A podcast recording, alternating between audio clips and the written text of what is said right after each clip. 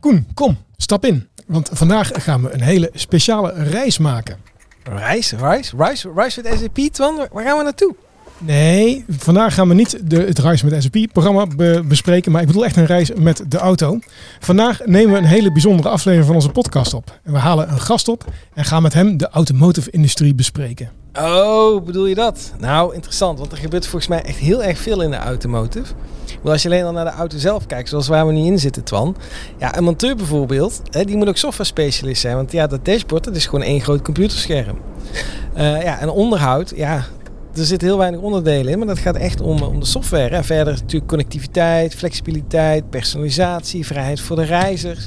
En dan heb ik het nog niet over duurzaamheid. Dat is ook nog zoiets, hè? Voor Ja. de accu's, maar ook het hergebruik van elektro, eh, elekt, elektromotor, zo, elektromotoren. Zo, die is eruit. Moeilijk woord. Een moeilijk woord. Ja, dat is een behoorlijke puzzel om te leggen. Wie gaan we eigenlijk ophalen, Twan? Ja, ik ben heel blij dat we Frank Wammers in onze show van vandaag hebben. Frank Wammers van Capgemini. Hij is momenteel Global Account Executive voor een wereldwijde automotive klant. En voorheen had Frank rollen als CTO voor Europa, boardmember bij de VNSG. En ooit waren we nog ABAPper bij Capgemini, Frank. Ja, dat is een lange tijd geleden. Van. Ja, dat klopt, ja. En Frank is een technology enthousiast, innovation leader en ook nog firewalk instructor. Nou, wat zou dat nou zijn? Misschien kunnen we het daar nog eventjes over hebben. Welkom bij Business Innovatie met SAP. Business innovatie met SAP behandelt echte ervaringen. Wat is de achtergrond, het gewenste resultaat en welke technologie is gekozen en waarom? En dat binnen 29 minuten. Je kunt je abonneren op onze podcast, zodat je op de hoogte blijft van business innovatie met SAP. Met hosts Koen Sandering en Twan van den Broek. Nou, welkom eh, Frank. Je bent inmiddels in de, in de auto gestapt. Ja, het zit Eh, comfortabel. Ja, het is, het is een goede auto? Zeker. Ja, kijk, kijk. Nou, Twan die, eh, die rijdt weer verder. Eh, wij vragen ook altijd onze gasten om een getal mee te nemen. Welk getal heb jij meegenomen? Ik eh, heb het getal 12 meegenomen. En nu vergeet jij op het Ben knopje ik, te nee, doen. jullie gingen zo snel. Ik ben ik mijn vormgeving kwijt. eh. Vraag 1. Het getal van. Ja, dat is, dan moet je eigenlijk hands-free maken achter het Ja. sturen. hè? Ja, ja, ja. Nee, een getal, eh, Frank. Ja, 12. En ik weet eigenlijk niet waarom. Ik heb, eh, ik heb hierover nagedacht van waarom nou 12. Maar eh 12, dat is... eh, de, mijn zus is geboren op de 12e. Eh, het zijn 12 maanden in een jaar. En eh, altijd als ik een, eh, een eh, lot koop, dan eh, zorg ik dat die eindigt op 12. Ik heb nog nooit iets gewonnen. Oh, ik Dus- zeggen, dat is je lucky number. Maar ja, dat, maar ik ben wel heel erg vasthoudend. Dus misschien Ja. zegt dat wat meer over mijn karakter dan over hoor. het nummer. Ja, je, je, je never, you never know. You Gewoon never een know. consequente strategie, hè? Consequente strategie, vasthouden, niet meehoppen. het getal 12. Nou, dat is mooi. We hadden ook beloofd om het over de automotive industrie te hebben. En wat zijn dan volgens Frank de uitdagingen in deze industrie? Business innovatie met SAP. Vraag 2. Wat is jullie uitdaging?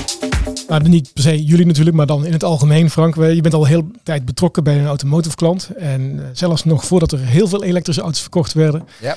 Wat zijn wat jou betreft de uitdagingen in deze industrie? Ja, ik, eh, je, je weet, Twan, dat ik echt de leukste rol van mijn leven had hiervoor. Dus er was wel een De reden. CTO-rol. Ja, precies. Dus ze Ja. moesten me wel even overhalen om deze rol te pakken. Maar er was één reden waarom ik dat wel heel graag wilde doen. En dat is namelijk de uitdagingen die in de automotive-industrie zijn. Ik denk dat er geen enkele industrie is waar zoveel krachten tegelijkertijd eh, bij elkaar komen. Zoveel technologieontwikkelingen bij elkaar komen. En waar ook de concurrentie zo hoog is. Dus je, je kan ook niet achterblijven. Je kan niet zeggen, oh weet je, ik doe even niet mee, zeg maar.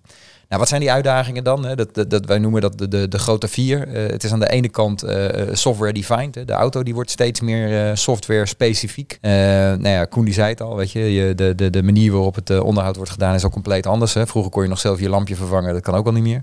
Het is allemaal software driven. Dus wat, wat is die technologie? Wat brengt dat? Het is conne- connected. Hè? Alles is nu over the air. Je, kan je, je kan je nieuwe updates al automatisch krijgen. Maar doordat het connected is, kan ik er ook hele nieuwe dingen mee doen. Daar kom ik straks op terug. Ja. Het derde is auto- autonomous. Zo, eh, ga mij straks zelf eh, niet meer sturen. Zoals ik ooit op een sticker zag, eh, m- my other car is autonomous, but I never drive it.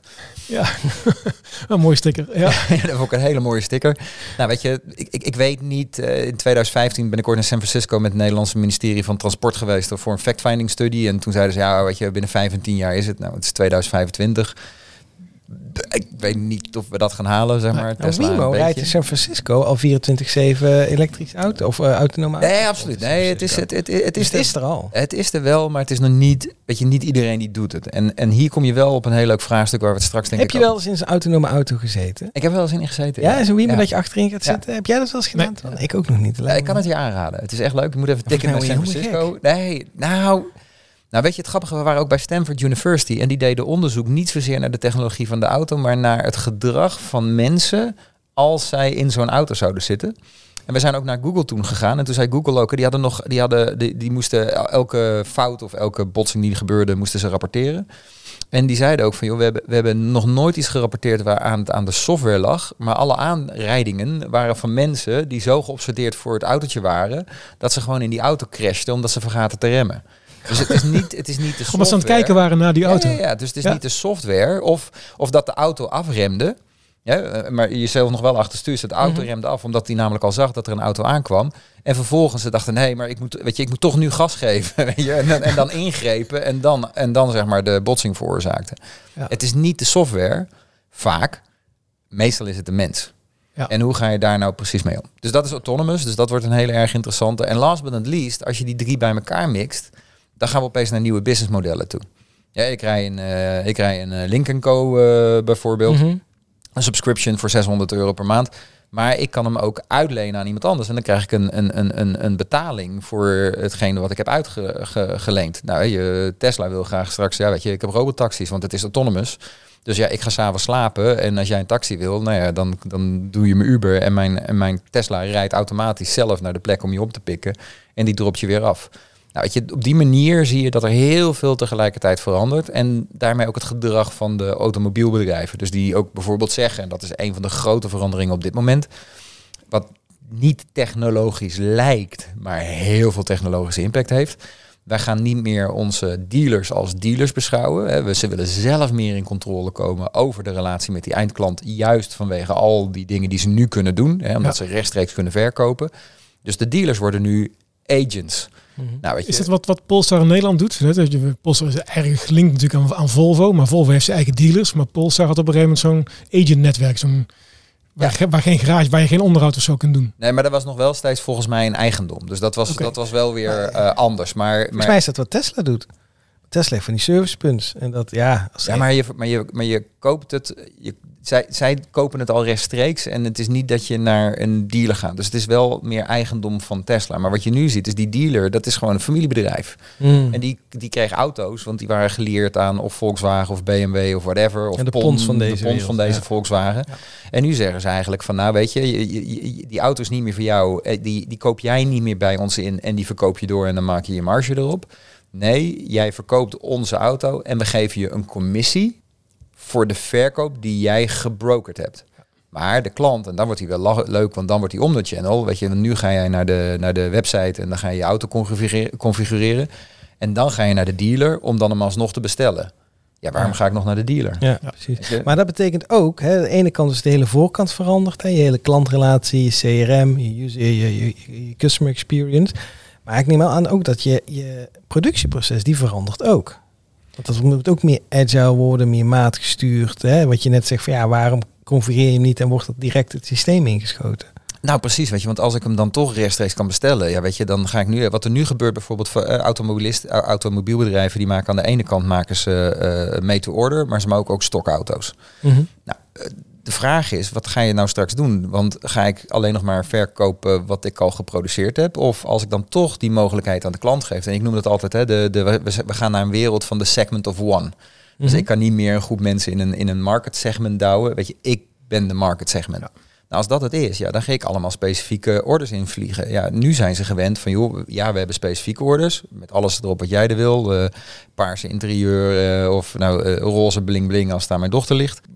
Maar de rest nog wel, wordt steeds op stok gedaan. Weet je, dat, en dat is makkelijk, want die kan ik inplannen. Die kan ik inplannen met de voorraden die ik heb. Daarmee kan ik mijn supply chain kosten omlaag brengen. Dat, dat is het, bijvoorbeeld het model van een Lincoln Co. Mhm. Je kan kiezen uit twee modellen. That's it. Mm. Weet je, dan heb ik in ieder geval die kosten laag. Ja, wat Het oude nou? model van de, de, de, de T-Ford. hè. Je kan alle kleuren kiezen als Ja, het maar als, zwart maar, is. als maar zwart is. Ja. Maar wat nou als ik alles zelf kan tweaken, et cetera? Heb ik dan nog controle over, over, over stok? Ja, dan nee. Nou, dan heb ik wel andere manufacturing systemen nodig. Ja. Ja, het is, het is, en dat maakt het zo gaaf, Koen. Weet je, het is de manier waarop we verkopen, de manier waarop we de klantrelatie aangaan, de manier waarop de manufacturing systemen zitten. Alles staat ter discussie. Maar aan de ene kant, maar aan de andere kant zie je ook steeds meer. BMW doet dat bijvoorbeeld. Hè, die zeggen van, nou weet je, alle auto's die komen met stoelverwarming en eh, stuurverwarming. En dat kun je of kopen Ja. eh, of aanzetten abonnement. Maar het zit er standaard in. Daarmee versimpel je natuurlijk ook je productieproces. Maar als je het niet afneemt, dan werkt het ook niet. Dan werkt het ook niet. Nee. Ja. Nou, dat helpt weer met de software defined, hè? maar dat, Ja. dat, dat, dat lost nog steeds mijn kleur van mijn autoprobleem niet op. Hè? Dus er zitten sommige componenten, die kan ik wel versimpelen, sommige dingen niet. Hetgeen wat ik wel versimpeld, maar dat maakt het dan weer aan een andere kant more- meer complex. Want nu verstuur ik één factuur voor 40 auto's aan een dealer. Als ik inderdaad opeens eh, allerlei verschillende services rechtstreeks aan de eindgebruiker aanbied, dan moet ik opeens 40 facturen naar één gebruiker versturen. Ja. En daar is mijn, daar is mijn back-office organisatie helemaal niet op ingericht. krijgt veel meer klanten. Veel meer klanten. Je krijgt veel meer klanten, Ja. je krijgt veel meer diensten die je verkoopt en opeens explodeert mijn back-office. Ja, administratie. Ja. Nou, en hier zie je al waar de mogelijkheden voor SAP liggen. Ja, Ja, vol- nou ja, Volgens mij is dat een mooie brug, toch? ik wou net zeggen, ga er maar aan staan met al die, eh, al die uitdagingen. Ja. Vraag 3. Wat wil je realiseren? Frank, kun je daar, eh, daar wat meer over vertellen? Hè? Met al die uitdagingen, wat, wil je daar nou in realiseren? Ja, nou voor mij is het belangrijkste, hè, hoe kunnen we onze klanten helpen om zorg te dragen dat ze, dat, dat ze goed door die storm heen komen. Dus hoe kunnen ze nou zorg dragen dat ze al die vier elementen tegelijkertijd kunnen doen, terwijl er ook maar een beperkte som geld is. Eh, Jammer. ja, ja, ja, geld is altijd een belemmering. En zeker nu in deze economische tijden, dat helpt ook niet allemaal. En vorig jaar hebben we geluk gehad, hè, want vorig jaar toen was er wel een supply chain probleem. Maar omdat de vraag zo groot was, eh, en, en er werd wel eens gekscherend in de automobielindustrie eh, gezegd, als je vorig jaar geen geld kon verdienen in de automobielindustrie, dan had je echt wel een probleem. Want ze konden gewoon vragen wat je wilde. Dit jaar zijn de kosten nog steeds zo hoog. eh, En die gaan voorlopig ook niet naar beneden. Maar Tesla, die heeft die prijs naar beneden geflikkerd. Ja. Dus ik kan mijn prijs niet meer blijven verhogen. En opeens heb ik daar een margeprobleem. Dus daar zie je van, oké, hoe gaan we dan? En daar moeten we onze klanten mee helpen. Nou, waar Maar zit... hoe komt het dat Tesla dat dan wel heeft gedaan als, eh als auto, autofabriek? Nou, Want zij één- moet ook een marges op peil houden. ja, het is maar natuurlijk een nieuwkomers, hebben zij hun productieproces, hun software systemen anders ingericht, waardoor ze beter econ- economies of scale hebben? Of... Nou, het eerste is het, het, platform wat ze hebben was al heel erg software defined. Hè? Dus wat jij er Mhm. net ook zei, Koen, over het feit dat je krijgt één auto, maar je kan dingen activeren als je dat wilde. Dat hebben zij, daar, daar zijn zij eigenlijk de grondlegger om bijna van geweest. In dat Ja. hele platform denken. Dat helpt al. Vervolgens zijn ze gaan schalen. Dus ze hebben de voordelen van de schalen met de nieuwe factories die ze hebben gehad, zeg maar, kunnen ze, kunnen ze opschalen, waardoor uiteindelijk de variabele kosten eh, eh, eh, veel lager Ja. liggen en uiteindelijk ze daarmee naar voren konden. En ik denk dat ze het ook gewoon doen, want je zag ook wel een beetje marge dit bij Tesla, omdat ze gewoon denken, hé, hey, weet je, maar als wij nu eventjes de duimschroeven aandraaien, dan gaan de anderen veel meer pijn hebben. Waardoor ze misschien net ietsje minder snel ons kunnen inhalen als het gaat over die electrical journey. Dus weet je, het, is, het zijn al die factoren bij elkaar. Dus ik denk dat ze op dit moment gewoon denken van, nou, weet je, wij kunnen op deze manier marktaandeel kopen. En tegelijkertijd, weet je, extra druk zetten op de, op de andere automobielbedrijven. Die nu ook allemaal diezelfde journey richting electric eh, met name doen zijn. Ja, gaat heel hard nu natuurlijk. En die hadden we nog niet besproken, maar electric is natuurlijk misschien wel de allergrootste change die we, Oh ja, die we, die we ja. doorvoeren. Gingen we even aan ja, voorbij, Het is al bijna, het is al bijna zo'n standaard dat we daar al bijna aan vragen. Ja. Nou, wat is dan het interessante waar we die klanten bij moeten helpen? Is een aantal dingen. Eén, en die is ook nieuw voor Capgemini. Sommige mensen weten dat niet, maar we hebben Altran overgenomen. Dus wij doen tegenwoordig ook engineering. Dus wij, wij doen ook chip programmering, et cetera. Dus hè, Embedded software. de embedded software eh, en de hele architectuur van de auto die gaat op zijn kop. Waar je vroeger allerlei chips had voor allerlei verschillende functies, gaan ze nu naar één centrale computer in de auto die alle functies aanstuurt. Dat, dus dat is één. Hoe, hoe kan je daarbij helpen? Twee is, hoe help je die klant dan in plaats van 5000 dealers naar 5 miljoen klanten te gaan? Mhm. Weet je, dat, dat, dat betekent dat je je CRM op orde moet hebben. En hoe ga ik die relaties aan? Waar we het er net al over hadden, weet je, in plaats van 5 miljoen facturen die ik verstuur, ga ik misschien wel naar 100 miljoen facturen. Dat betekent dat ik mijn finance op een hele andere manier moet gaan aansturen, moet gaan automatiseren, et cetera. Daar is met name de S4 Finance Journey, die je bij heel veel klanten ziet, die, die doorgevoerd moeten worden. Ja, dat krijg je als bonus hè, als je SAP eh, promoot. Oké, ja, ja, ja, ja, ja, kan er niks aan doen, maar het is, het is ook echt nog goede software ook. Eh, die, die, die, die, die, de, de, de, de manufacturing software, weet je, dit is, een, dit is een business die zo oud is. Maar als de fabriek stilstaat, dan heb je een probleem. Hè, bij mijn klant zeggen ze wel eens, weet je, elke minuut rolt er een, een, eh, een auto van de band. Dus weet je, als de, als de fabriek stilstaat, nou, tegen een gemiddelde verkoopprijs zeg maar, van 50.000 euro, ja, dan, dan is de 50.000 euro verbrand. Dan staat de fabriek een uur stil. Ja, weet je, nee, reken maar uit wat de Die teller gaat heel hard die, dan. die, die gaat heel erg hard. Dus ze zijn heel terughoudend geweest. En dit zijn alle automobielfabrikanten in hoe vernieuw ik die fabrieken. Maar ze weten dat ze nu niet meer kunnen. Wij zijn nu bezig met een klant waar we inmiddels al op in de body component, in de, in de, in de engine factory, et cetera, alles nu hebben omgezet naar SAP. En vervolgens we nu ook naar de echte assemblage. Want de assemblage is het meest spannend, hè, waar alles bij elkaar komt en die auto bij elkaar gebracht wordt. Maar ze weten dat ze moeten. Maar ze moeten af van 40 jaar oude software. Nou, je, daar, daar moet je doen. En dan is het laatste, en die is misschien nog wel het meest interessante. In de cultuur van de automobielbedrijven is dat ze altijd alles zelf deden. Want je concurreerde met je, met je infotainment system, met je navigatiesysteem. Weet je, al, alles weet je, was vooral dat ze het zelf deden. En dan moet je wel gaan nadenken. En dat is natuurlijk ook waar we heel veel klanten moeten onderwijzen als het gaat over SAP. Dat het niet meer hun grootmoeders SAP is. Weet je, waar je Ja. niks in kon bouwen. Of als je bouwde, je, was meteen een probleem met je, met je, met je onderhoud. En ik denk dat met name nu hè, het Business Technology Platform daar een, een hele belangrijke component is. Ja, ja, dankjewel. Waarin die vernieuwing zit. Nou, Ja. en, en dat is denk ik wat we willen realiseren. Hoe gaan we die klant nou dat op een, op een goede manier doen? Timing-wise. En ook ze laten zien, en ik noem het altijd SAP onder architectuur, hè, dat je als je de juiste componenten juist plant om live te brengen, kan je je ook je SAP-journey zelf laten financieren. Het, het is niet meer een vijf jaar roadmap waarin je niks Nee. meer kan doen de komende vijf jaar. Het is onzin. On the fly. Maar het betekent wel dat we architectuur capabilities in onze SAP-programma's moeten brengen. En dat betekent volgens mij ook dat je heel intensief... eh, Ik vond het wel een toeter waard eigenlijk. Oh. ja, ik zat al aan de volgende vraag. te denken, maar je-. Ja, dat is natuurlijk over die componenten inderdaad. Maar het is natuurlijk niet alleen de componenten. Het is natuurlijk ook de mensen. Het is de samenwerking. En volgens mij eh, kunnen we daar eh, over uitweiden. Vraag 4. Hoe verliep de samenwerking? Dus de, de samenwerking als jullie als Capgemini met de klant. Maar het is ook de, de, het hele partnerlandschap daaromheen. Met welke partijen werk je allemaal samen om dit voor elkaar te krijgen? Ja. Nou, en ook die is veranderd. Hè. Als je bijvoorbeeld gaat kijken, en eh, ik ga je een aantal voorbeelden geven van hoe wij onze klanten daarin ook helpen. Eén is bijvoorbeeld, wij zijn development partner met Qualcomm. Qualcomm zou je denken. Ja. Ja, weet je, wij, wij helpen ook in de development van chips. Eh, eh, wij- wij zijn partner met Ericsson als het gaat over, over 5G. En weet je, maar echt in de core van de chips van 5G. Nou, weet je, die heb je allemaal nodig voor connected en, en software defined. Dus dat is bijvoorbeeld een van de partnerships die we hebben, omdat we op die manier naar die één centrale computer in die, in die auto kunnen gaan. En, en die aansturing van. Dat- en want het dat partnership platform. is ook echt gericht op jullie automotive industrie dan. Ja, ja, ja. Ja. dus daar zit, dat zit er ook in. Eh, we, we hebben nu een partnership eh, met Google bijvoorbeeld. Want eh, een x-aantal automobielbedrijven die gaan naar, naar de Google Automotive Platform. Hè, dus niet naar Google Maps of weet je, dat ik, dat, ik- dat ik alleen maar app, appjes kan besteden. Maar echt dat de auto bestuurd wordt door Google. Oké. Maar dat moet wel geïntegreerd worden met de auto. Wij hebben in Portugal hebben wij een Center of Excellence zitten, wat, wat, wat helemaal gespecialiseerd is in dashboards laten integreren met de Google software. Weet je, dus opeens heb je een partnership met Google als het gaat over auto's. Denk je, hè? Weet Ja. je, dat hadden we vijf jaar geleden niet. Ja, ik heb Mm. Google in mijn auto, maar dat is eigenlijk nog wel op het aparte scherm waar de navigatie en, de, en het infotainment systeem op loopt. Maar het is nu niet dat Google mijn auto bestuurt volgens mij.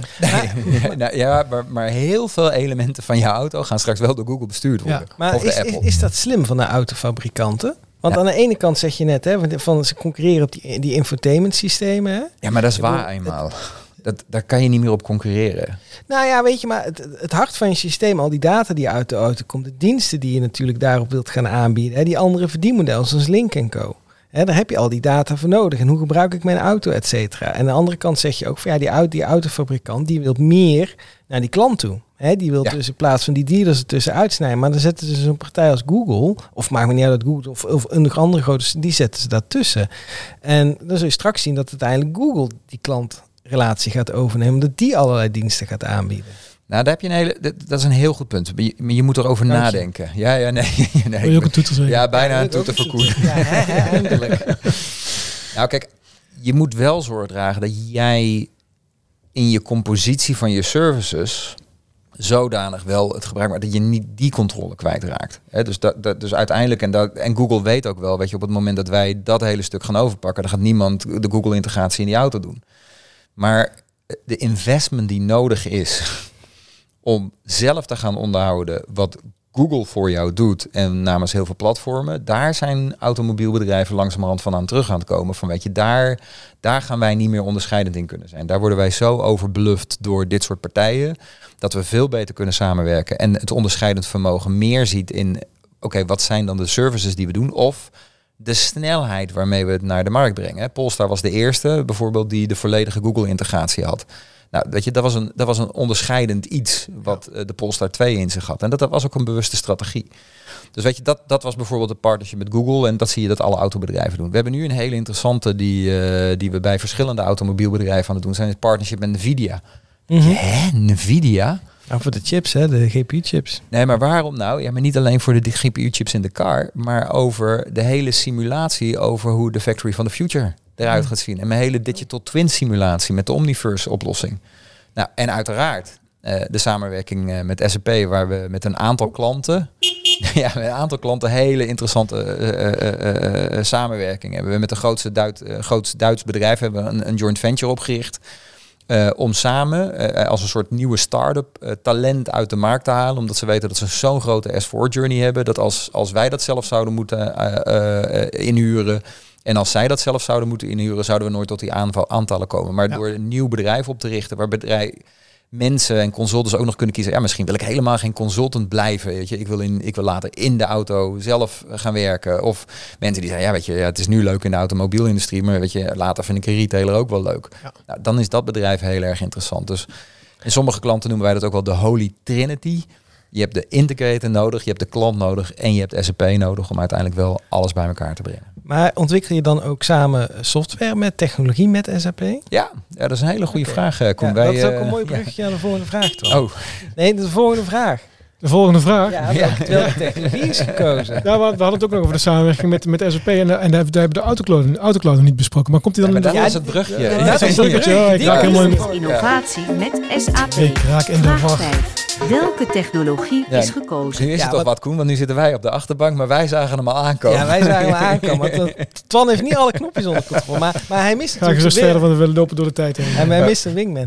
Nee, maar we hadden het net even over die autocloud. eh, of die, eh, die automotive cloud eh, technologie, wat Twan al even naar, Ja. naar refereert. Dat is ook een samenwerking met SAP. Kun je daar wat meer over vertellen? Ja, nou, eh, want eh, nou, als, als, als global partner eh, zijn we natuurlijk altijd op zoek van wat zijn nou industrieën waar we ook echt samen kunnen gaan optrekken. En, en het grappige is omdat wij denk ik de grootste consulting firm eh, in Europa het liefst eh, zijn als het gaat over, eh, over auto. Het is onze, het is onze twee na grootste industrie van onze groep. Hebben, onze, hebben de handen ineen geslagen. En we hebben in eerste instantie een paar jaar geleden initiatief, initiatief gestart om de autocloud te ontwikkelen. En de autocloud is een volledige cloud ERP-oplossing eh, gebaseerd op SAP.